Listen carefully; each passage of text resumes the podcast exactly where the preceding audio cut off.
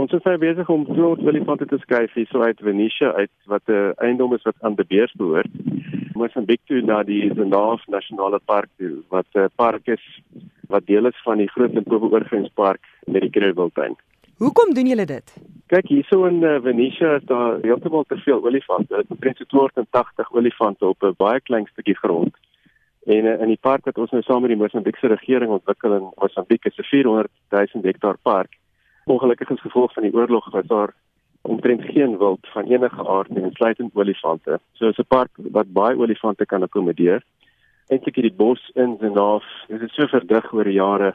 Eintlik het dit olifante desperaat nodig. So ons het nou 'n uh, langtermyn ooreenkoms met die regering wat ons nou help met sekuriteit en ontwikkeling van die park en ons het olifante eintlik nogal nodig om die landskap te help restoreer en dit is 'n park wat seker by die 3000 olifante maklik kan akkommodeer. So hier is maar die begin van 'n lang proses om die park te rehabiliteer en alle spesies weer terug na die park te neem. Maar daar seker 'n paar uitdagings daarin verbonde om so baie olifante te vervoer. Hoe doen julle dit? Ek dink dit is seker die grootste olifantskuif wat Suid-Afrika nog gedoen het. Dit is nogal 'n redelike groot span, is baie gesofistikeerd.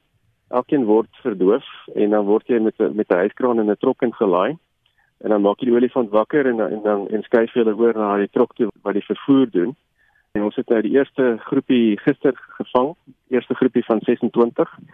Hulle is vanoggend al klaar half 7 deur die grenspos. Nou dis 'n 1500 km tog met al hierdie trokke en die olifante. So dit is eintlik nogal 'n geweldige groot logistiese operasie.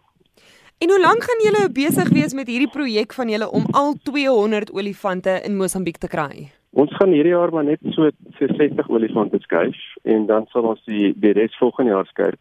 Fantasties. Is daar iewers waar julle op Facebook of op Twitter of op enige sosiale media netwerk is waar mense wat geïnteresseerd is in hierdie projek van julle kan gaan kyk wat julle doen en hoe julle dit doen of hou julle dit eerder geheim weens die bedreiging wat stroopers inhou? Nee, glad nie. Nee, mense is baie welkom om ons te volg op Facebook. As jy net na Peaceparks toe gaan, Ons is baie gemaklik op die oomblik met die met ons sekuriteitssituasies en naaf. Anders sou ons nie hierdie olifante geakkommodeer het nie. Ons het 'n baie baie goeie span op die grond.